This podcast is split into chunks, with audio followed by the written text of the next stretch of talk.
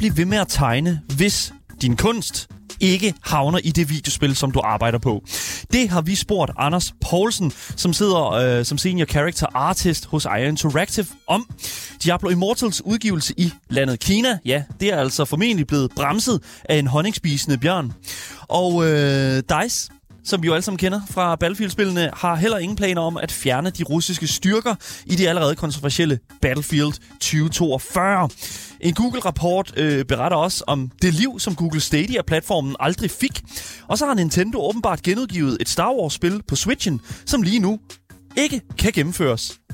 Udelukkende på grund af en enkelt fejl i spillet. Der you go.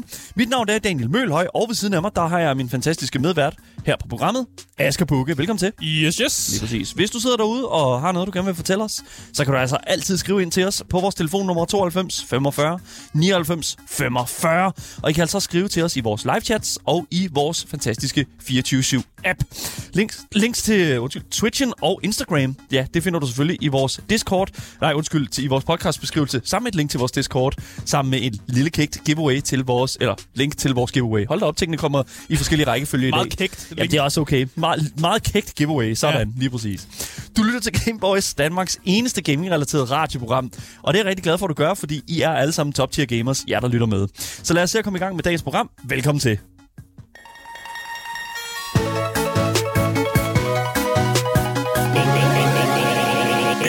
Nu har jeg jo sagt et par gange her, men øh, det er en utrolig stor sjældenhed, at øh, spiljournalister som øh, også er på Gameboys, vi egentlig får lov til noget så fedt, og, og som at stikke hovedet ind hos de her store spilstudier på sådan en helt normal dag. Sådan en ganske, mm. ganske normal arbejdsdag. Øhm, og endda også få lov til at, sådan at tage nogle af de her mennesker her, som sidder og arbejder på spillene, simpelthen i kraven og hive dem direkte op i en sofa, for simpelthen at sidde og tage, øh, ved jeg det nu, at sidde og, og interviewe dem simpelthen. Mm. Men det er altså præcis det, som øh, det danske gigantstudie, ja, gigantstudie er en øh, reel betegnelse, øh, et gigantstudie, som mm. IO Interactive egentlig tillod os at gøre. Øhm, og man kan jo sige, der fik vi jo sådan set lov til at hive fat i et par stykker, som jo øh, laver alle mulige forskellige ting hos IO Interactive. Ja, vi har allerede været nogle interviews igennem. Ja, lige præcis. Og der fik vi lov til at tale om deres arbejde for studiet, deres historie om, hvordan de landede hos IO, og selvfølgelig også, hvad kan man sige, lige få sådan den der skoletaske der, mm. af hvad en ny og spirende sådan øh, lille aspirant skal bruge for at lande de, arbejdspla- de, de, sådan, de, de arbejdsroller, som de selv sidder med. Og det er mm. altså både narrative directors, det er sound, sound designers, ja. altså det er enormt altså, vigtige poster mm. for et spilstudie at have inden for, uh, inden for deres egen vægge. Og dem har vi altså fået lov til at få altså, direkte råd fra, hvordan bliver man det, som de sidder og laver nu. Ja. Og i, øh, i dag er jo, øh, hvad hedder det nu, øh, bringer vi jo en person i, i fronten her, som jo øh, virkelig er en mand af en, af en vis kaliber, vil jeg sige. Det var et anderledes interview i hvert fald. Meget anderledes. Øh, meget rolig. Yes. Og, og meget af en lidt sådan anderledes sådan skole ja. af sådan, hvad man normalt sådan forventer, ja. at en person, der arbejder med videospil er. Han siger det, jeg tror vi siger det, og han bekræfter, han er rock and roll. Ja. ja. jeg ved ikke, altså. det, kan, det kan man måske godt mærke i interviewet, men han er lidt, ja, der er sådan, det er en anden tilgang, mm. og det den måde, han ligesom fik job på, øh, på IO Interactive, var også lidt en sådan mm. rock and roll måde at gøre på tingene på. 100 procent. Og ja. den person, som vi skal snakke om i dag, det er altså Anders Poulsen, som der er senior karakterkunstner, altså senior character artist, som mm. er den engelske betegning, øh, betegnelse. Og vi fik altså lov til at sidde med ham i øh, lidt over et kvarter, hvor vi simpelthen fik altså nogle fuldstændig vanvittige billeder af en meget, meget gammel spilindustri i Danmark, som ja. han jo virkelig kunne berette om. Det var super, super interessant. Ja, jeg føler lig, ligesom man sad foran en eller anden sådan kung fu ma- master, som var bare var meget rolig og snakkede lidt i sådan nogle lidt mærkelige analogier, yeah. som bare var sådan, at ah, ja, det giver mening, at sommerfuglen lander på tæerne, og så letter man, eller sådan noget. Sådan nogle yeah. mærkelige analogier, som ikke giver nogen mening. Yeah. Men sådan, han fik det til at give mening, og det var bare meget sådan, at ja, ja, så gør man bare sådan der. Ja, det virkelig. Sådan, okay. så jeg synes også bare, at vi skal, hvad hedder det nu, vende over til, øh, tilbage til vores mm. lille, øh, vores kæmpe interview session, som vi øh, havde over på Iron Interactive i den her omgang, som sagt med Anders Poulsen, Senior Character Artist. Det kommer her. Gameboys! Jamen, øh, skal vi ikke starte med, at du øh, introducerer, introducerer dig selv, og hvad du laver her hos IO Interactive? Jo, jeg hedder Anders Poulsen, og øh, har arbejdet sådan i, i, øh, i rundtal en, en, en, en 12 år eller sådan noget inde på, på IO. Mm. Øh, af to omgange. Øh, og jeg laver har beskæftiget mig hovedsageligt med karakterer hele vejen. Ja. Øh, Mm. Og det er både i koncept og i, øh, i også at bygge dem i 3D. Ja. Mm. Det, er det lyder som et kæmpe, kæmpe stort arbejdsområde et eller andet sted. Det, er- det er et område, som øh, selvfølgelig krydser ind i over rigtig meget andet. Både lyd og animation og manuskript ja. og, og, og, og banerne også. Øhm, så det...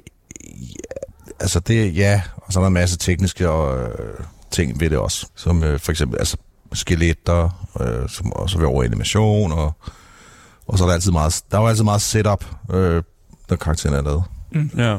Så, så du arbejder også et eller andet sted sammen med øh, for eksempel motion capture et eller andet sted. Sådan, øh, du, du får nogle skeletter, eller, tænker jeg, sådan fra dem, og noget bevægelse. Og så skal du vel plotte et eller andet på det, eller hvordan fungerer det? Ja, altså... Øh, nu kan man sige, at jeg har en fordel øh, i at også bygge det i 3D. Ja. Så at øh, når jeg laver kon- koncept på karakteren, så, så har jeg en idé om, hvordan det her skal deformere og te sig i forhold til øh, et skelet og Mm. animation og så videre, så videre. Mm. Øh, og det er ligesom...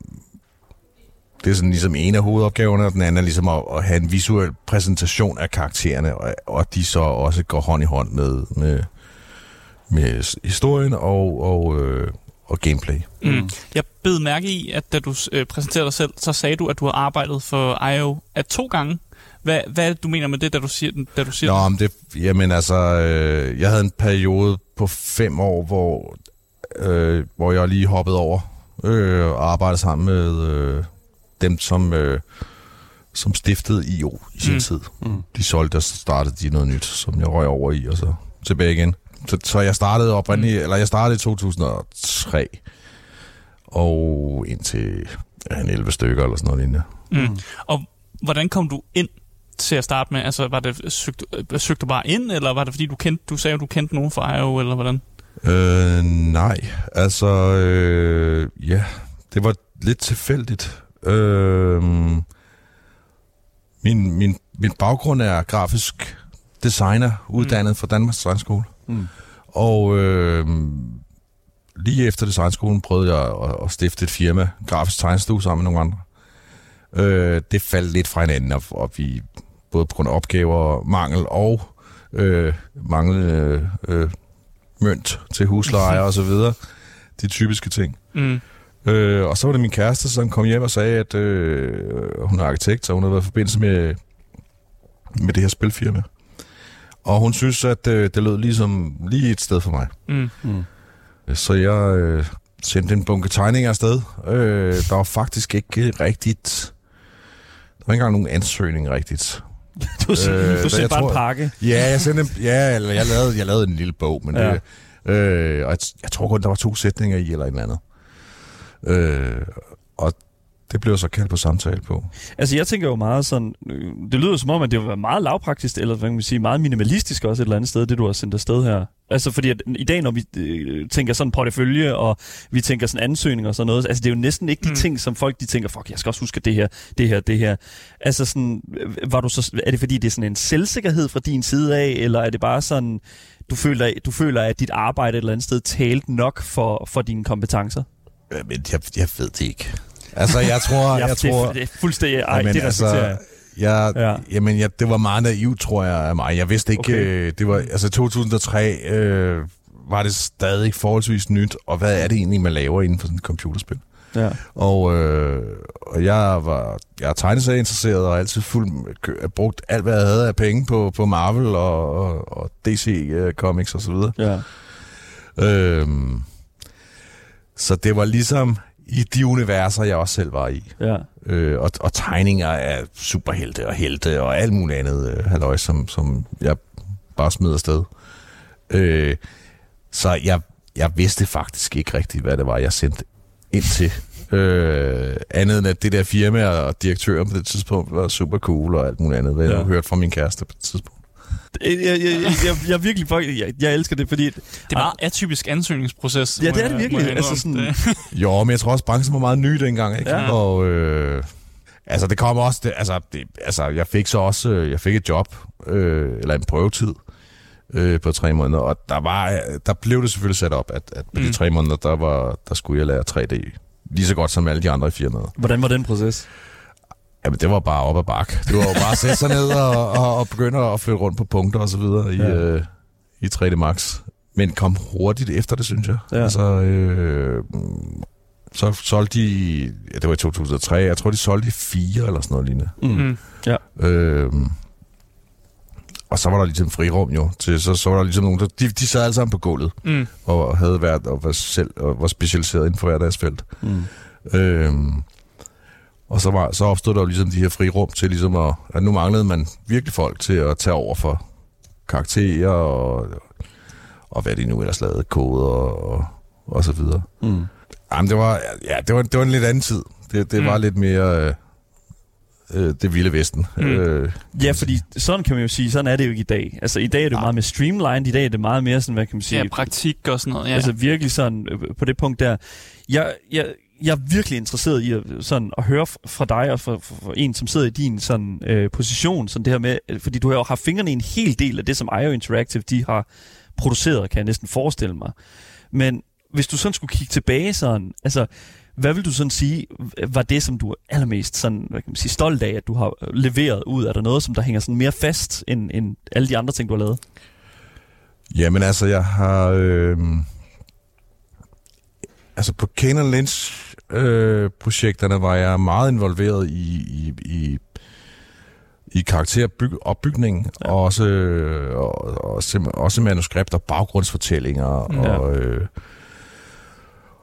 og, øh, og, og dengang var det lidt mere vildt. Altså der, der, var man, der lavede jeg jo også, der lavede jeg både koncept og byggede dem, plus jeg var art director for karaktererne, og, øh, og der var outsourcing, og der var, altså det var, øh, Rock and roll. det var rock and roll, og, Ja. og man gik øh, ikke hjem, og, og folk sov også i, på kontoret og i kælderen og, og så videre. Ja. Øh, på det tidspunkt stadigvæk. Øh, jeg synes, det der var interessant ved de projekter var, at vi ligesom, vi, vi, vi legede lidt med, hvad hvis man putter et socialrealistisk lag ind over nogle helte, Mm. og, og, ja, og, og, og, og sådan, øh, og alt ligesom får en, en real feel, i stedet for, at det sådan, den meget gamificerede øh, verden. Mm. Øh, det faldt ikke i særlig god jord. Men, Nej. øh, men, øh, men jeg, jeg, jeg, det, det har stadig nogle, nogle elementer, som jeg synes er enormt spændende, og, og som jeg er forholdsvis stolt af stadigvæk. Mm. Altså, Og det kan jeg virkelig godt forstå, du siger, fordi at, at selvom at Kid Lynch måske ikke var det bedst modtaget spil, så synes jeg alligevel,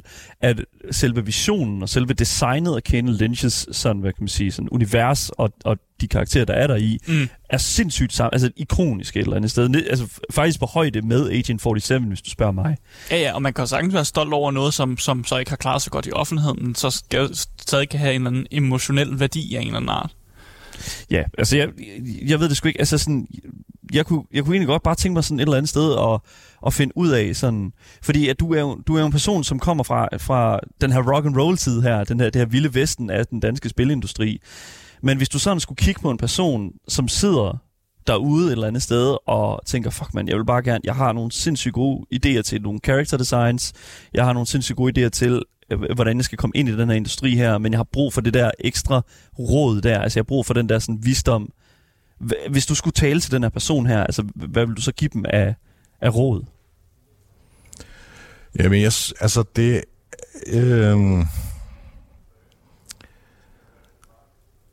altså inden for characters, der er jo mange stilarter og så videre, men jeg synes, eller, jeg, først, jeg, vil, jeg synes ikke, man skal være bange for det. Mm. Mm. Og man skal ikke være bange for, at man måske ikke tegner som den vildeste, øh, man, kan, man kan finde derude på ArtStation eller et eller andet. Mm. Mm. Det, det er tit og ofte, så handler det mere om anatomi, øh, idé, øh, og, og, og så også, og, og kan man se, det er i hvert fald noget, jeg kigger efter, når jeg kigger på folk, det er, kan de lave et univers, eller kan de kun levere en ridder og en øh, rumagent og, og, og en smølf, og det hænger mm. ikke sammen. Mm. Øh, fordi det er, jo, det er jo der, hvor... Altså, som regel, så er det jo lidt som... Det er jo, vi, vi bygger universer. Ja. Så, og man kommer til at lave rigtig mange karakterer Ja. i, inden for samme univers, der ligesom skal øh, hænge sammen. Mm. Og det, det, det er for det meste der, hvor jeg synes, at filmen knækker lidt. At, at Mm. øh, man sidder og kigger på, det er en flot tegning. Det er også en flot tegning. Øh, men, det, men, men der er ikke noget samspil. Der er ikke nogen øh, dynamik og sådan nogle ting. Øh. Mm. Skal man være god til måske også at, at smide nogle tegninger ud? For eksempel, hvis man laver så mange designs, skal man også være god til ligesom, at, at kunne smide noget af det, det dårlige ud, og så lave en ny version af den tegning. Kill your darlings. Ja, for eksempel. Ja, det synes jeg, altså, men jeg er ikke... Øh, altså, øh, men, ja, jeg synes, det er vigtigt, at man lærer sine fejl, og, mm. og, og, men altså... Øh, man skal heller ikke være bange for at kopiere øh, og lade sig inspirere eller sådan nogle mm. ting. Altså det, ja. selvfølgelig øh, nytter ikke noget at sende tegninger ind, for eksempel, som, som øh, er, er hvor man bare har klippet ud for et andet billede og sat ind og sådan noget. Den, mm. den, er, lige, den er lidt tvivlsom. Ja.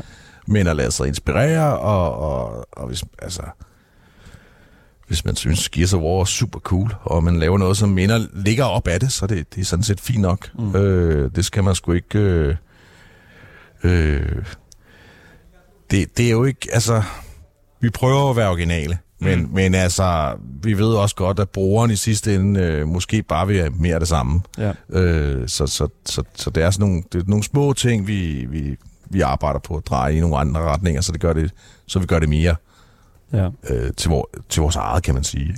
Så måske også mm. til, til den her unge person her, sådan, hvis, hvis man skulle sådan ligesom pakke den her første skoledags taske et eller andet sted, mm. så lyder det som om, at, at der skal, altså sådan, i hvert fald fra din side af, noget ryggrad ind, noget, noget, noget personlighed måske. Øh, ja, og nej. Altså, det, personlighed kan også være mega farligt, men altså, okay. det kommer an på... Øh, altså, der kan være så meget personlighed i det, at det bliver helt off. Okay. Øh, men igen, hvis man får lagt, hvis man får skabt et univers, så man har øh, mere end bare karakterer, eller øh, igen, så man, kan, så man kan se den her worldbuilding faktor, mm. øh, så synes jeg også, det er, er interessant. Man kigger også tit på alder. Mm. Altså, okay. det er jo, det er ja. jo øh, man, jeg synes, man skal, have en, man skal alligevel have en, en vis alder, og alligevel for ligesom at have en forståelse for, for verden og sådan nogle ting. Mm. Mm. Øh, og også forståelse af, i hvert fald på IO, også øh, en forståelse af kommersielle produkter og alle de her ting. Øh, men det gør jo ikke, at en 15-årig ikke skal sende sin tegning afsted, hvis han bare er, synes, det er super fedt, det han laver. Mm. Altså, det, det øh, man kan jo kun få et nej, og, man, og så er det op på hesten igen. Man skal ikke lade sig slå ned af noget som helst. Øh, det mener jeg simpelthen ikke. Nej. Øh. Så man skal måske have med i skoletasken, at man kan forvente, at der kommer nogle nejer igennem ens karriere. Ja, det, det, det, det, det, det bliver man jo udsat for. Det, det, det, mm. man, man kan lige så godt vende sig til det. Jeg får masser af nejer hver dag. øh, så, så, så, det, øh, så, så det er... Man kan lige så godt starte der. Man kan lige så godt starte der. Ja. Og så... Øh, øh, øh, og så er det jo... Altså, det er skide sjovt, samtidig med, at det også er hårdt. Ja. Altså, det er jo det er jo hårdt at sidde og brugt to dage på en tegning, og så får man at vide, nej, du laver den om, men anderledes. Ja. Øh, og, det, og det kan man jo få lov til at gøre rigtig mange gange. Mm. Øh, Ja, fordi altså, når man sådan har set sådan behind the scenes for, lad os bare sige sådan Star, Star Wars prequels, øh, hvor George Lucas går rundt med stemplerne, hvad han godt kan lide, hvad han ikke kan lide, ikke? Ja. Altså der tænker jeg, altså, det er jo hver eneste lille kunststykke, der er på den her væg her, mm. som han står og stempler ud og siger, nej, det kan jeg ikke bruge, ja, det kan jeg godt bruge. Altså det er jo små, det er jo enkelte artists, som har brugt altså flere timer, altså flere dage på det her ene stykke her, som bare lige får sådan et stempel der. Altså det må jo også et eller andet sted være, det, det, altså det lyder som om, at det, det er motiverende på en eller anden måde. Det er motiverende, altså sådan, men, men, men er, det, er, det, er det demotiverende at, at få det her nej her, føler du, eller er det noget, som, øh, som kan være med til at bidrage os? Ja, selvfølgelig kan det godt være i, i øjeblikket, ikke, hvor det ja. sker, men, men altså... Øh, mm så rører den til bagkataloget, øh, og så har man, og, og på, et, på et eller andet tidspunkt, så har man, så kan man præsentere det på ArtStation, eller, mm. eller sin egen portfolio og sådan noget. Jeg synes, man skal, altså, øh, for det meste er det, jo, er det jo kun de tegninger, som man har lagt rigtig meget i, som bliver fede. Mm. Okay, ja. Og det, er jo, og det, og det koster jo. Mm. Altså, det, øh, når man får et nej, så er det lidt dyrere, end, end hvis man bare sidder og sprøjter et eller andet ud, og man ikke helt er med i. Øh, så, så, ja, Altså. Men altså, man kommer også til at opleve, at den næste tegning, den bliver altså federe. Ja. Øh, og der var også ting, man ikke lige havde tænkt over, og, og så videre, så videre. Det behøver jo heller ikke være så minutiøst ned i den mindste detalje til at starte med. Altså et, et godt flow i en skitse er jo også super cool. Ja. Øh, og så kan man godt lave nogle detaljetegninger lige ved siden af, bare lige skuldrene eller sådan noget. Mm. Det virker som om, at man skal holde ved Det Man skal om, holde det, er ved, det, og det er jeg- største råd, du kan give. Ja, ja, og, der, mm. og det er jo også... Øh, man skal ikke være, altså hvis man ikke er verdens bedste tegner, man skal heller ikke være mm. bange for at bruge fotos. Altså det, er, mm. det, vi gør det hver dag. Vi, ja. har ikke, vi har ikke tid.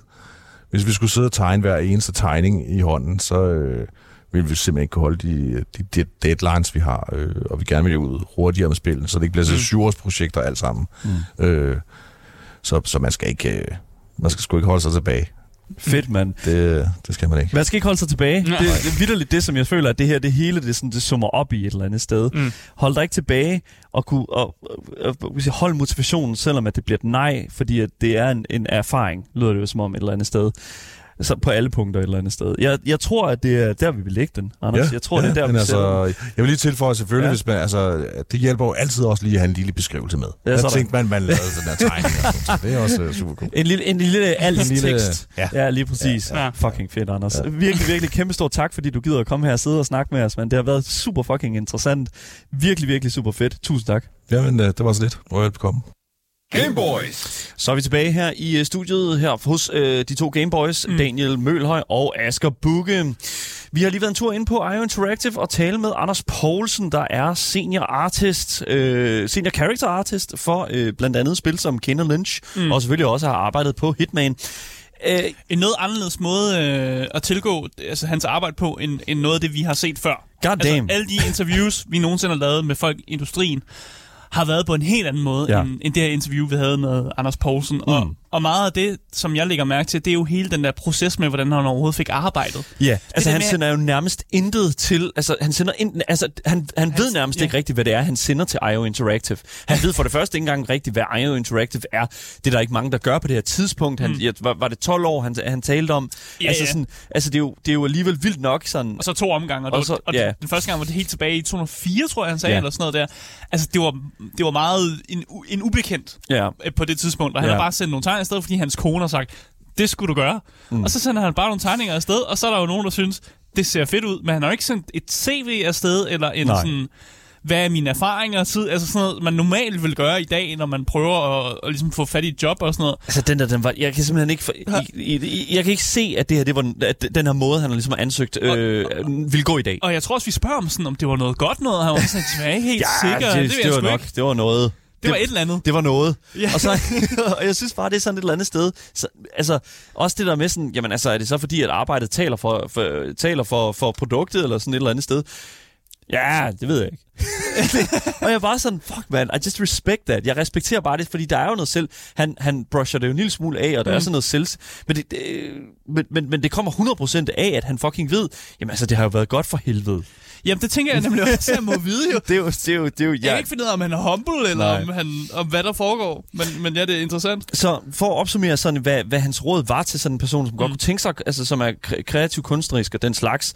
Altså så 100%, man skal ikke være bange for at kopiere Mm. øh, til, på det niveau, hvor du selvfølgelig er inspireret mere, end at du plagierer. Ja. Altså bare direkte kopierer. Altså, det jeg fangede, det er et godt eksempel, som jeg også uh, snakkede med dig, før vi gik mm. på. Det er jo det der med, at for, hvis du laver et fantasy-spil, og du Ja. gerne vil putte en, for eksempel en gobling i dit spil, Mm. du behøver ikke at lave et helt nyt monsterdesign for, Nej. Hvordan en gobling ser ud. Du må gerne putte dit eget præg på den, men lad for fanden være med at bruge øh, flere år på at designe den perfekte gobling, Ja, når og der hvis- allerede eksisterer gode gobling-designs derude. Og hvis du så har lavet et Goblin-design, der er relativt tæt på, hvad andre har, har, har lavet, så skal du ikke være bange for at få det der nej.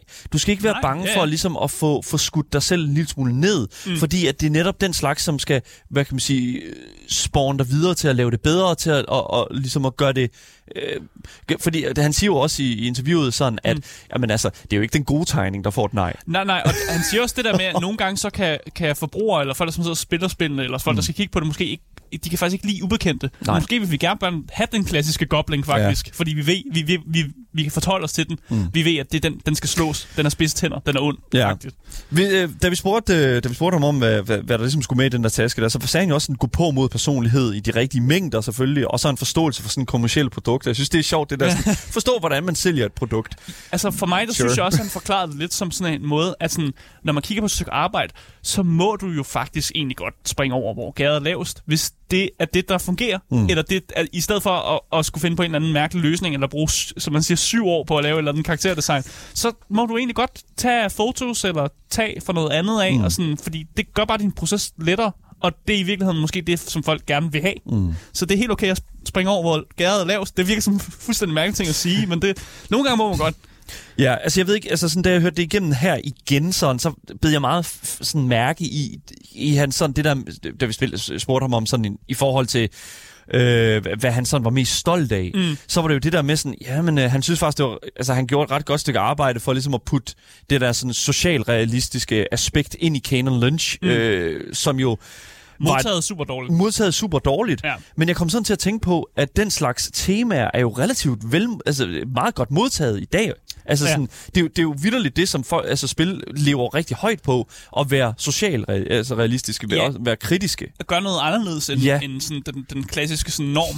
Ja, så det er jo bare sjovt, at det er det, han nævner. Men han kan jo sagtens også være, som vi også nævner i interviewet, man kan sagtens være stolt over noget, som kommercielt ikke har klaret sig særlig godt, fordi der måske er andre elementer af spillet, der ikke fungerer. For eksempel mm. så har han jo ikke været inde over, hvordan gameplayet fungerer. Nej. Og det er jo nu ved jeg ikke super meget om Canon Lynch, men jeg tænker primært, det er derfor, det er blevet kritiseret, fordi der er noget gameplay, der ikke fungerer. Formentligvis. Jeg, jeg er ikke Ja. helt sikker på, hvordan det var lavet. Altså, jeg, jeg synes, at Kenny Lynch var helt fint. Jeg, jeg, jeg kan, det, det, det bliver jeg nødt til at sige. Det synes jeg. Øh, men- Personlig holdning. Hva- Ja, det er jo en personlig holdning, Ja, ja, ja. ja. og det er der jo så meget af her på programmet.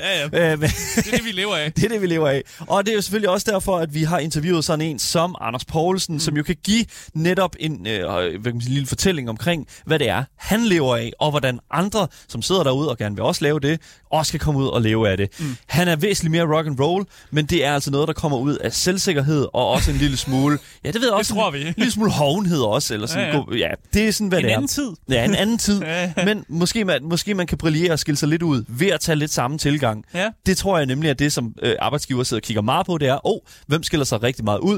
Åh, oh, her var ham her, der vidderligt bare havde mailet os en fuckfinger. Måske vi lige skal have ham ind og spørge, hvad fanden biler du egentlig ind? Sådan der.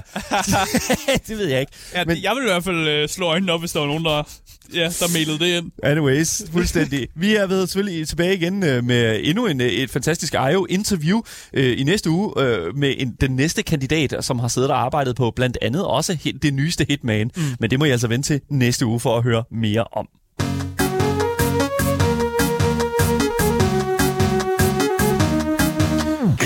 Hvis du først er droppet ind nu, så kan jeg fortælle dig, at du lytter til Gameboys. Gameboys. Her på 24-7. Øh, husk, at du også altid kan skrive ind til os på vores Twitch og vores 24-7-app. Og links til Twitch, Instagram og vores Discord, ja, det finder du i vores podcast-beskrivelse. Mit navn det er Daniel Mølhøj, og med mig i studiet, der har jeg min fantastiske medvært, Aske Bukke. Yes, yes. Lige præcis. Men nu skal vi over til nogle gamer-nyheder. I de her dage, der hænger Activision Blizzard nyhederne på træerne. Ja, det gør det virkelig. Det er low-hanging fruit. så jeg har bare taget æblet af og, og taget en bid af det. Ja, yeah, sure. Fordi vi skal snakke lidt om uh, Diablo Immortal og deres uh, udgiv... Ja, det er et hårdt Altså, emne allerede. Altså, det, det, det, det kan godt være, Blizzard er et lavt hængende, ja. et lavt hængende hvad hedder nu, frugt, men for satan, det, Diablo Immortal, det hænger endnu lavere. Det er en god nyhed. Det, er, er en det. god nyhed, Nå, det er okay. det, fordi deres uh, Diablo Immortal udgivelsen i Kina, den er sgu blevet øh, udsat. Mm. Øh, bare før dage, få dage, før det var meningen, at øh, det skulle være kommet ud. Mm. Det skulle faktisk være kommet ud den 23. juni, så det er jo, det er jo meget snart. Ja. Øh, men Blizzard har simpelthen lavet en pressemeddelelse, øh, som siger følgende. Kære eventyr, vi er kede af at meddele jer, at lanceringen af Diablo Immortal, der oprindeligt var planlagt til den 23. juni, vil blive forsinket.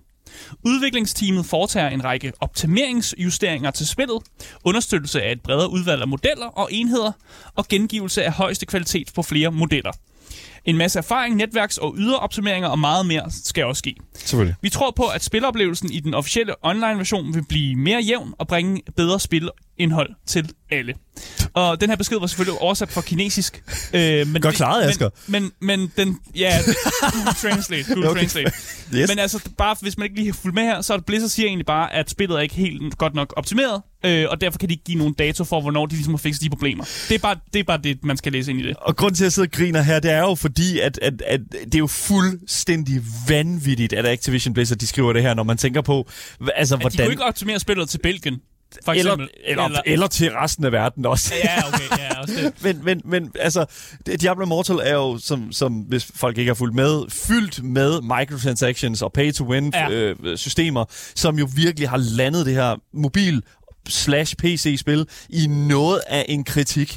Ja, Øhm, den laveste user score på Metacritic lige nu. Nogensinde. Nogensinde, ja, Ja, på grund yes. af alle de her microtransactions. Og, og det kan man jo tage, som det er. Og at Blizzard så kommer ud og giver den her information omkring, yes, ja, der er lige nogle ting, der lige skal ændres. Ja, før det kan komme ud i Kina, i hvert fald. Ja, der var, det var ikke, det var ikke svært, det var, det var alt for svært at få det ændret til Belgien, kan man jo sige. Ja. Men at, at ændre det Og til Holland, Kina, ja, no way, det er no, no problem, dude. Vi skal nok lige ændre det lidt. Ja, sure. Øh, jeg kan fortælle, at uh, NetEase, Ja. ja. som er den kinesiske spilgigant, som er medudvikler ja. af Diablo Immortal, de, uh, efter den her nyhed blev annonceret, så led de et fald på 10% i aktieværdien. Det er ret meget. Det, ja, det er ret meget i, på aktiemarkedet i hvert fald. Det var lige efter, det blev meddelt ud. Men der er måske også noget, noget lidt mere til den her nyhed, end bare som sådan. Alright. Det er måske ikke øh, bare de her, øh, den officielle melding om, at det bare er de her optimeringer, der er grunden til, at Diablo Immortal måske faktisk ikke kommer ud i Kina. Nej, for jeg kom sådan til at tænke på hurtigt, at det, her, når, altså sådan, det kan jo ikke have noget med de her microtransactions at gøre, fordi det, det er, det er jo... Det vil Kina godt have. Det vil Kina Eller jo godt have. ligeglade. Og det er jo ikke, fordi spillet er som sådan dårligt, fordi altså, det, er Det et er meget, Kina også. Det, Nej, det, er, og det er Kina også ret ligeglad med, ja, det er fuldstændig rigtigt. Så der må jo være et eller andet, som stikker under.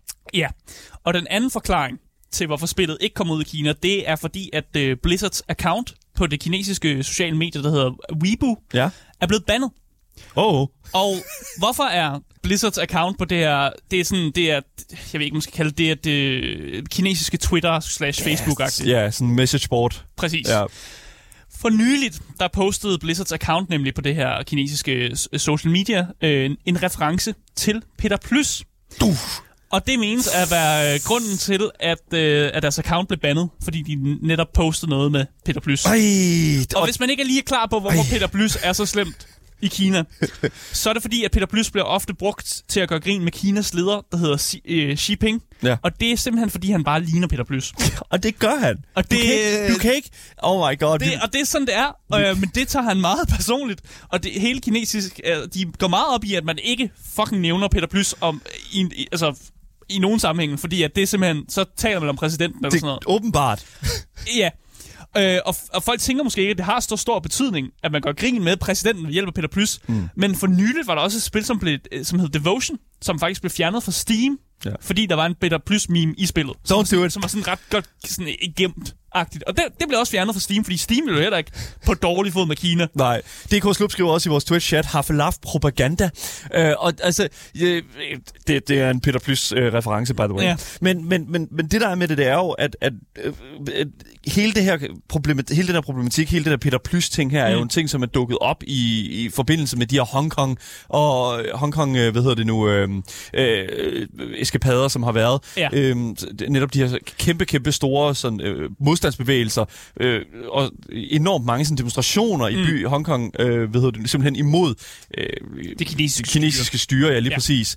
Øh, og, og, og man kan jo sige, at hvis der er sådan, man bruger øh, den her, det her sådan, øh, det her ikon her, Peter Plys her, som mm. et led i, i, den kritik, så er det jo, at, at, at det kinesiske styre går ind og, og reagerer på det. Ja. At det, Og de, det, det slår hårdt. det gør det fandme ned med. fordi at uh, Financial Times de rapporterede, at uh, NetEase-aktierne, som jo var det her uh, firma, som ligesom var med over Diablo Immortal, de, uh, de faldt også i aktierne mm. efter Peter Plys-posten. Uh, men vi tænker jo, eller jeg tænker i hvert fald, at grunden til, at Diablo Immortal ikke bliver udgivet i Kina, det er mere på grund af det, her- den Ja. her, skal Ja. kalde den Peter Plys-gate, Og Peter Plys, ja selvfølgelig, har Gate. ja, end faktisk det, det er en anden forklaring, vi har fået. Ja. Jeg tror ikke på, at den officielle forklaring er grunden til, at Diablo Immortal ikke kommer ud i Kina. Men- Men, men- jeg tror, det her er grunden. Jeg så tror det er overhovedet ikke confirmed, at det er Peter Plys-tingen? Nej, det, det, er, det er simpelthen bare internet, der har gravet lidt og kunne lægge to og to sammen. Men Men ved vi præcis, hvad det er, der er blevet, er blevet postet på Weibo? Altså sådan, jeg kunne ikke se, hvad der blev postet. Der Nej. blev bare nævnt, at det, at det er jo ligesom blevet bandet, så man kan ikke rigtig tjekke det ud. Og jeg tænker også, at det er blevet scru- scrubbed clean. Jeg håber, der er nogen, der har taget nogle screenshots derude. Så. der, ja, Men- altså, ja. Men vi ved, at har noget med Peter Plys og jeg tænker, at det i sig selv, det er i sig selv er nok til at sige, okay, vi ved godt, hvorfor de blev bandet. Peter Plys, vi kan regne ud, sige, sige Xi Jinping, som han hedder, og Peter Plys, det går ikke sammen, det kan Kina ikke lide, de banner tingene, og så kan vi jo ligesom regne to og to ud og sige, at Kina er nok ikke så glad for Diablo Immortal, fordi at Blizzard jo postede Peter Plys memes. Hvad fanden sker der så? Tror vi, Diablo Immortal kommer ud i Kina nogensinde nu? Jeg ved ikke, det kan være, at de skal i gang med sådan en, du ved, sådan, åh, jeg er så ked af det, -agtigt. De skal ud Jeg tænker, penge- und- De skal yeah. lave en undskyldningsparade eller sådan noget. Jeg ved ikke rigtig, hvordan de har tænkt sig at, at, at rette op på det. Eller om de måske kan få deres kinesiske samarbejdspartner til ligesom at prøve at, at, at få det ud eller sådan noget. Jeg aner faktisk ikke, hvordan man, hvordan man, man kommer tilbage fra, fra Peter Plus memes. Jeg tænker, penge præsidenten. taler. Specielt for, øh, for, for et land som Kina. Tror du, Men man det- kan bestikke Kinas regering? det, det, vil, Det vil ikke komme bag på måske, siger det? ikke noget. Okay, så, men ja... Det, det er jo kun gissninger. Vi kan så, kun, ja. fordi den officielle forklaring er som sagt stadig ikke, at det bare er optimeringsproblemer. Jeg elsker, at vi ikke ved, hvad det er, de har postet. Det kunne vidderligt bare være sådan en eller anden åndssvagt, der er en eller anden gul bjørn, eller sådan noget pis, eller de annoncerer Peter Plys som en eller anden fucking DLC-pakke til Diablo Ja, det kunne være, at noget slet ikke har noget med præsidenten at gøre, men at det bare ved et uheld er, har vi de snakker om Peter Plus. How did it happen? We don't know. Nej. Jeg fucking elsker det. Jeg synes, det er fantastisk, det her, fordi jo færre lande, som kan komme til at spille Diablo Immortal, jo bedre. Men det er så... Ja, okay, det... Ja, ja. Jeg, jeg synes, Wow, jeg, vi den, skal lægge den der er mange lag det er så, i den sætning. ja, ja. ja, ja, men jeg synes bare, vi skal lægge den der. Vi ved, ja. altså, den officielle melding er, ja. Diablo Immortal kommer ikke ud på grund af optimeringsproblemer, men det er nok Peter Plys, der står bag. Oh my god.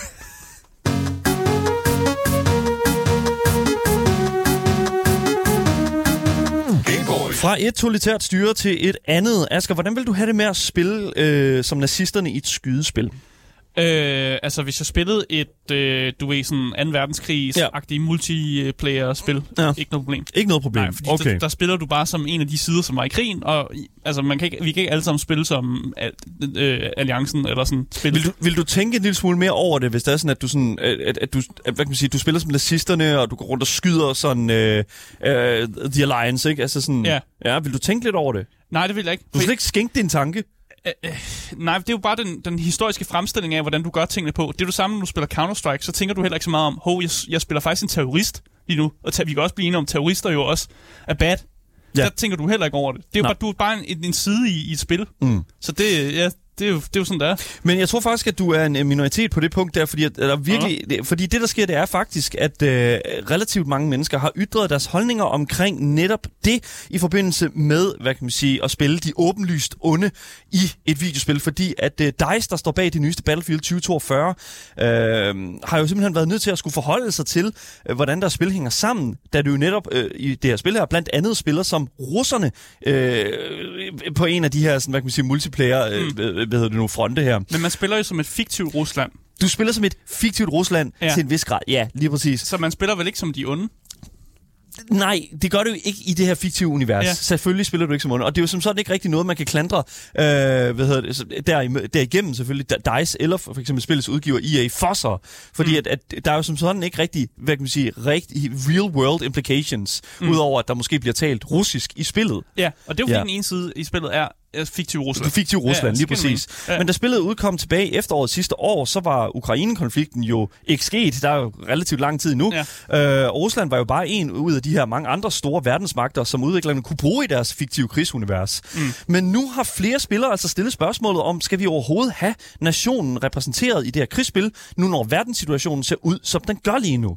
Og det synes jeg jo er super fucking interessant. Det er et godt, det er, det er et spørgsmål, som man selvfølgelig skal overveje. Ja, lige præcis. Men Og- igen, ja. ja. man kan også godt forstå udviklerne, fordi de har brugt vildt lang tid på at, ligesom, at bygge en historie op omkring, at det var det her fiktive Rusland og sådan noget. Og det, det er en ting, der er svært at ændre, mm. når det så endelig er kommet ud.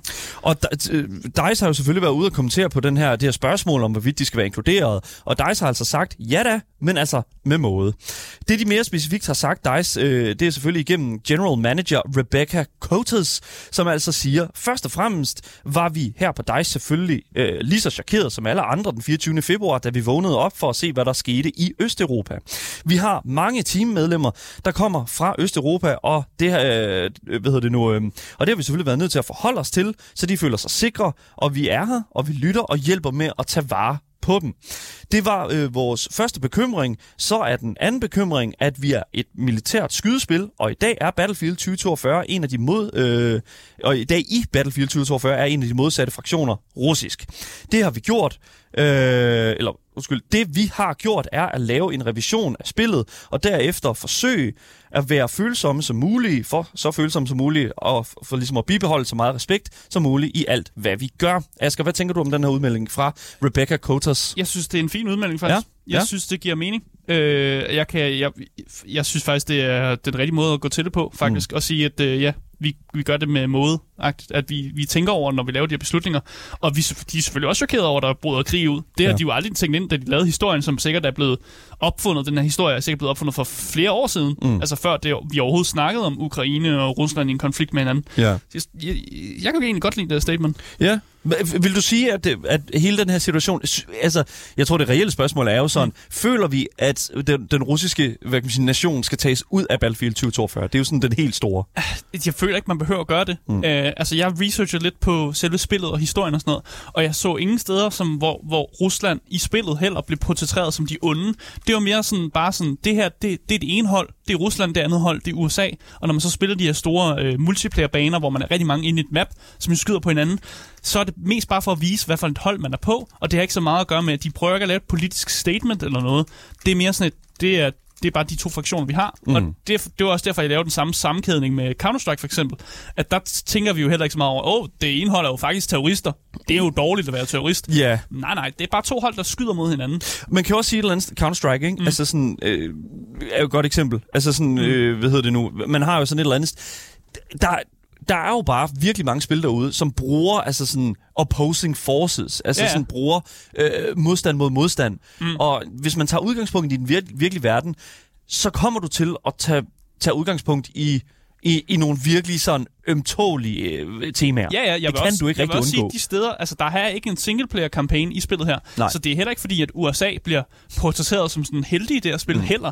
De, de prøver altså at være så neutrale, de kan med de her øh, fraktioner, som de nu, altså, som nu er muligt at gøre. Ja. Så jeg synes ikke, at udvikleren som sådan gør noget forkert, men selvfølgelig, der er jo et spørgsmål med, at, at Rusland jo er blevet i virkelighedens bad guys på en eller anden måde. Ja. og det skal man jo have med, og jeg er da glad for, at de melder yeah. noget ud, og ikke bare altså, vi holder deres kæft. Men det er også en slippery slope, ikke? Fordi vi får også at vide her fra, hvad hedder nu, Enaxa, som øh, er i vores Twitch-chat her, at øh, han i øjeblikket spiller en del øh, War Thunder, som er sådan det her tankspil. Mm. Øhm, og øh, han skriver her, at det pisser ham af, at nogen putter sættet, altså det her, hvad kan man sige, mm. øh, sympati øh, russiske øh, totalitære øh, sympati-symbol mm. på nogle af de her tanks her, som kører rundt. Og, og, og det, er, det er jo fordi folk er nogle idioter. Ja, men hvis det er sådan, at du kan ja. påtage dig den rolle et eller andet sted, altså det er også, det er også noget, vi så i Red Dead Redemption, ikke? Altså, at, at vi, ja, der kunne man også være en, en skider, ikke? Ja, Red Dead Redemption Online, to online, hvor du jo netop havde folk, der vidderligt red rundt og legede slavefanger. Altså sådan, ja. prøvede at ved nu, indfange øh, løsslåbende slaver. Og det er jo selvfølgelig det, der er med det, det er jo, at der er folk med, med hvad hedder det nu, øh, med mørk hud, som løber rundt i, i, mm. i, i, i det vilde vesten. Selvfølgelig fordi, I don't know, fordi der findes andre etniciteter og andre hudfarver i verden, så de putter selvfølgelig den hudfarve på deres spillerkarakter. Ja. Så hvis du øh, hvad kan man sige, bliver indfanget af en slave, så er det jo sådan, det er. Men det er jo også det er jo fordi, folk er fucked. Men folk er fucked, og ja. det er det, som jeg et eller andet sted, skal man kunne facilitere den, hvad kan man sige, den problematik i de her videospil. At folk og, er fucked, men det er ikke noget med så, så meget med sådan studie, der har designet den historie at gøre. Mm. Det er mere sådan, den, det, lige præcis det eksempel, du laver der, var ja. mere sådan et, det er folk, der ikke kan finde ud af at opføre sig ordentligt. Ja. Det har ikke så meget at gøre med studiet, der har lavet et spil, hvor Rusland bare er en af fraktionerne. Jeg er glad for, at du siger det. Fordi ja. at, at, at, det, er jo... det kan godt være, det er en unpopular opinion, det ved jeg ikke. Det ved jeg heller ikke, om ja. det er. Jeg føler, det, jeg føler 100% det er den rigtige vej altså, at gå. Men folk, altså... folk har jo spillet nazister i mange af de her uh, ja. World War Games, der findes. Og, sådan, og det er bare, det, nu spiller man som tyskerne, mm. og det er, det er bare en af de fraktioner, man nu spiller som. Og folk tænker ikke videre over det. Altså, det, jeg, jeg er ikke sikker på, at jeg forstår den kritik måske. Rebecca, øh, ved nu, Rebecca Coates siger, at øh, den her slags ændringer vil være meget svære at ændre eller at lave i, i spillet. Alene af den årsag, at, øh, hvad kan man sige, mm. at, at, at netop det, som vi så taler om her, at, at det vil jo som sådan ikke rigtig løse noget problem. Mm. Og, øh, på trods af det, af det, som Rebecca siger her, der er jo faktisk også, at, at EA, som jo øh, udgiver et lille fodboldspil, der hedder FIFA, jo et eller andet sted også har taget det valg at fjerne alle Øh, hold, og, som er affilieret med Rusland på alle måder. Så det er landsholdet mm. og alle de mindre klubber fra FIFA. Ja, og det, ja, det har mere noget at gøre med, at FIFA som organisation, altså FIFA'en, ikke spillet FIFA, men organisationen, øh, har valgt at ikke at skulle affiliere sig med Rusland, og det er mm. også noget med, at man kan ikke spille internationale kampe, bliver ikke spillet på russisk jord og sådan noget ting. Så jeg tror mere, at det er dem, der har lavet den beslutning, og så har spillet bare sagt, okay, men så gør vi det også, fordi det er sådan, at verden har har besluttet sig, at det skal være. Jeg tror med, det er den måde, man skal se det på. Ja, det tror jeg også. Men hvordan og hvorledes øh, fællesskabet de kommer til at modtage den her besked her, ja, det må altså tiden vise. Vi ved endnu ikke rigtigt, hvordan og hvorledes, at 100% DICE kommer til at håndtere den her, øh, det, det, det, det her feedback her. Der kan jo ske meget. Battlefield 2042 er jo trods alt stadigvæk i gang med at blive fikset. Så altså, det er jo, hvad det er. Mm. Men vi holder selvfølgelig øje med sagen, og så ser vi, hvordan og hvorledes, om der er noget, der bliver fjernet. Men som Rebecca Cotas, der er general manager for DICE, så er det altså ikke en ting, som er i horisonten for Battlefield 2042.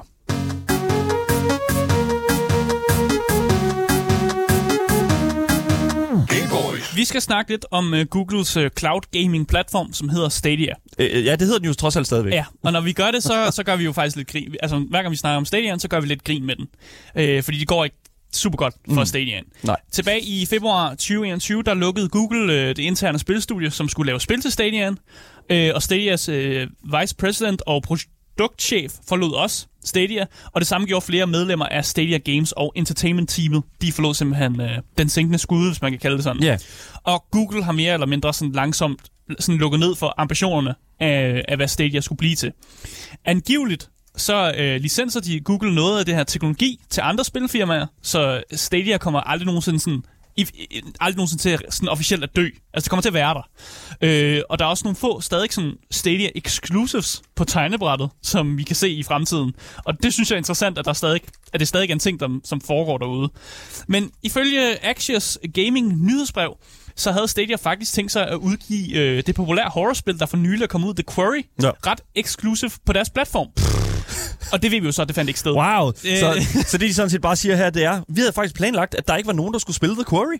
Øh, det ved, ja, ja, ja, måske, eller sådan noget. øh, og så vidste vi, har vi også fået at vide, at det nylige annoncerede spil fra Justin Roiland, der hedder High on Life, det var originalt også tænkt til, at det skulle være en øh, Stadia exclusive. Øh, og begge de her spil har angiveligt øh, modtaget development-hjælp fra Stadia-teamet. Og øh, vi ved også, at tilbage i to, øh, 2020, der fortalte Supermassive Games, som jo er dem, der har lavet The Quarry, mm. de fortalte om, at, at de havde et partnerskab med Stadia. Altså, det var ikke en hemmelighed, at der foregik øh, partnerskabsting i, i, tilbage i 2020. Øh, det var ikke en hemmelighed. Nej. Øh, men Google trak sig ud af projektet, øh, og jeg går ud fra, at det jo er grunden til, at 2K står på som publisher for The Quarry. Øh, fordi altså, de stod lige pludselig uden publisher, og så har 2K bare tænkt, det er jo, det er et godt spil her. Sådan da. Det er jo bare en win for 2K, at de kan få lov at publish det og tjene en masse penge på det. For Good det, er jo, det er jo blevet godt modtaget og, øh, og fået gode anmeldelser, og jeg var også vild med det. Øh, så, så ja, det er jo bare 2K, der bare kan, kan, kan gå til banken på det spil der. Ja. Men PC Gamer-artiklen, som, øh, som har rapporteret på det her, øh, de spekulerer faktisk også i, om der er andre spil derude, som sådan flyder lidt rundt. Fordi Google jo trak sig ud. Og der er måske nogle publishers, som kan samle nogle sådan helt fine spil op. Fordi ofte så er de her spil, de er jo hemmeligheder, før de kan annoncere nogle ting. Så det kan være, der flyder nogle Google Stadia sådan spil rundt derude, som, som folk egentlig kan, kan pick up. Men det kan også være, der er nogen, der går glemt. Fordi Ja, ja. Så, sådan er det med spilindustrien.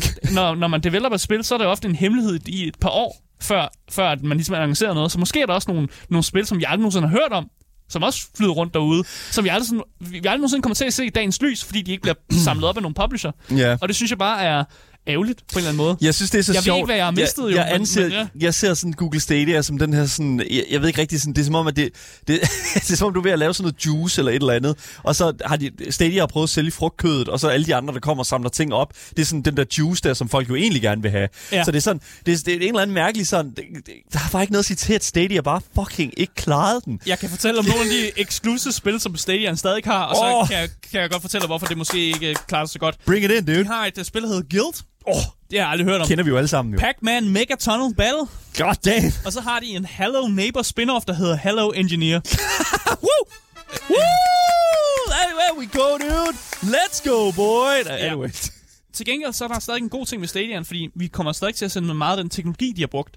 Øh, for eksempel så kan man bruge, så kan man streame demoer via Google Chrome-tabben, og det var noget Resident Ja. Evil Village gjorde. Der Ja. kan man simpelthen spille demoen via en Google Chrome-tab. Og det synes jeg er vildt, at man kan streame spil øh, via bare browseren. Just not a selling point. Det, du kan ikke bare, du kan ikke, det kan du bare ikke sælge noget på. Det, Nej, ikke det er bare en gimmick. Men det udvikler sig. Google, Åh. Google forsvinder jo ikke. Nej, det gør det fandme Så, ikke. så tingene de udvikler sig, og det er helt sikkert noget, de kan sådan, sælge licenser ud med. Mm. Jeg kan fortælle, at mobilselskabet AT&T, de har åbenbart købt en licens, som gør, at 5G-kunder kan få adgang til et Batman-spil. Og det er via Google Stadia-teknologi. Så de sælger nogle licenser ud, og de kommer til at stadig være en del af markedet, og det kan være om 10 år, så kan det være, at de laver en eller anden form for comeback, eller vi ser Stadia som platform på, et he- på en helt anden måde. Ja, yeah, don't hold your breath, mate. Jeg ved bare, at Google kommer ikke til at forsvinde. De kommer til at fortsætte med at arbejde med den her teknologi, og Ja. jeg ved ikke, hvordan de kommer til at se ud, og jeg kan ikke spå om fremtiden, men Stadia kommer ikke bare til at- at dø. Nej, det gør det nok Det- ikke. Men, men det, det kommer i hvert fald ikke til at blive nogen succes. Det, det kan jo simpelthen ikke blive. ikke lige nu. Vi Ikke får se. Ikke lige nu. Men vi får se, hvordan og hvorledes det kommer til at for- forholde sig i fremtiden med Google mm. Stadia. Det, det, ja, hvis du spørger Google, så er det... Altså, de har jo nedprioriteret så meget. Ja, de er nedprioriteret på altså, det. det- enormt meget på, på Stadia. Så om, om det er noget, de begynder at vende tilbage til på et tidspunkt, ja, det må tiden altså vise. Der er ikke noget mere fedt, end at, ligesom man kunne sige, at sidde og sådan, have brugt rigtig, rigtig lang tid på et spil, og så ja, kan man sige, endelig se sådan, hvad kan man sige, den her historie her, binde sig selv rimelig fint sammen til sådan en sløjfe efterfulgt af de her sådan rulletekster. Det er rigtig nice. Det er en fed mm. følelse at have brugt rigtig meget tid, og så endelig sådan, ah, det var en, det var en fed oplevelse. Ja. Men hvad hvis du har brugt 20 timer på et spil, og så er du pludselig stået ind i en fejl i spillet, som der tillader, at du ikke kan fortsætte spillet? Jeg ved ikke, om, hvad, hvad, hvad vil du gøre, Asger, hvis du har brugt 20 timer på et spil, og så crasher det? Jeg tror, jeg vil bruge 20 minutter af en anmeldelse på at, at være sur over det. Der går lige præcis. Sådan noget Det- den stil. Det, det, er det, det, det, Gameboy. det er jo det, vi gør her, kan man sige. Ja. Men det er i hvert fald sådan, flere spillere de øh, oplever ud genudgivelsen af Star Wars-spillet Knights of the Old Republic 2 på Nintendo Switchen. Fordi her fandt øh, en øh, gamer, der hedder Daniel Moore, nemlig ud af, øh, sammen med en masse andre fans af spillet, at når du når til et vist punkt i spillet, så crasher hele spillet, når en cinematic forsøger at blive afspillet. Så du har ligesom en, øh, en cinematic, der kører, og så Mm. bum, så crasher den bare. Og så kan du vidderligt ikke komme forbi det crash. Nå, Sådan. Og som den her, og som den her sådan awesome person, øh, som Daniel Moore jo er, så går han jo selvfølgelig på, ud på Twitter og forsøger at komme i kontakt med studiet, som der jo står bag den her port fra, øh, fra selvfølgelig øh, PC øh, til Switchen, nemlig studiet Asper eller Asbyr, eller hvordan man øh, siger mm. det, Asbyr Media. Og her skriver Daniel altså på Twitter, er I klar over, Asbyr, at det ikke er muligt at gennemføre spillet? Jeg har siddet fast på det, der hedder Onderon Basilisk Crashed i mere end en uge nu. Hvad er ETA på et fix. Mm. Og her øh, ved jeg nu relativt hurtigt skriver Asbjørn altså tilbage, at de var bevidste om problemet, og at det vil blive fikset i en fremtidig opdatering. Så er det jo ganske fint. Der er go. ja. Fikst. Ja, super. Fantastisk. De arbejder på det. Ja. Men jeg er meget interesseret i at finde ud af, hvordan i alverden det her spil her, det kom igennem en QA-testing med en fejl, som vidderligt tillader folk ikke at vinde. Jeg tror, svaret er, at det er ikke blevet QA-testet. det, there you go, you Jeg tror, got it. ja. Du rammer hovedet på søndet, det tror jeg nemlig også. Det er jo, surprise, surprise, ikke muligt for et spil at komme ud på en platform, hvis det bliver tilfredsstillende nok QA-test, altså Quality Assurance testet. Og man kan sige, der er jo ikke nogen quality assurance testing, som har fundet sted på The Knights of the Old Republic 2, for det har tydeligvis ikke været studiets interesse at sikre, at spillet virkede. Og man kan så spørge, mm. tror du, de kendte til problemet, inden øh, spillet kom ud? Nej. Nej, det gjorde det godt nok Nej. ikke. Men det sjove er jo, at folk de stadigvæk er fucking gale, selvom at Asbjørn de går ud og siger, alright, vi fikser problemet. Fordi åbenbart så er der rigtig, rigtig dårlig erfaring med, at de her patches her, de kommer ud via Nintendo. Nintendo er sygt dårlige til at patche deres spil, efter de er kommet ud. Fordi det er simpelthen bare ikke en prioritering for dem. Mm. Og jeg, jeg læste jo sådan lidt op på det, og sådan, okay, er det virkelig så galt? Kan man ikke øh, godt komme igennem det? Og jo, selvfølgelig er der workarounds. Der, er- jeg har læst det på steder, at folk faktisk har mulighed for at komme forbi problemet. Men her taler vi om en utrolig lille chance, som flere fortæller, at det tog dem op til 14 genstarter af deres switches, før at det fikset problemet. Sindssygt. Det er fucking crazy. Ja. Det er selvfølgelig et relativt gammelt spil, men en person skal for fanden da ikke skulle fucking genstarte deres spil 14, øh, de- maskine 14 gange, for at kunne få, hvad de har betalt for. Fucking mm. vanvittigt, mand, at det la- lander derude. Ja. Vi holder øje med, om øh, de får fikset sw- øh, Switchens problemer, det her spil til, til øh, Switchen selvfølgelig. Og så håber jeg selvfølgelig, at dem, der har betalt for det her, ikke skal fucking lande i flere problemer. Det var alt, hvad vi havde på programmet for i dag. Hvis du misser noget, ja, så kan du altså altid finde dagens program som podcast, hvis du bare søger på det gyldne navn. Gameboys. Så misser du aldrig en nyhed, en anmeldelse eller et interview nogensinde igen. Mit navn er Daniel Mølhøj, og med mig i studiet, der har jeg Asger Bukke. Yes, yes. Lige præcis. Vi er tilbage igen i morgen med meget mere gaming og meget mere Gameboys til jer, der sidder derude og er de top tier gamers, I er. Vi ses alle sammen. Hej hej.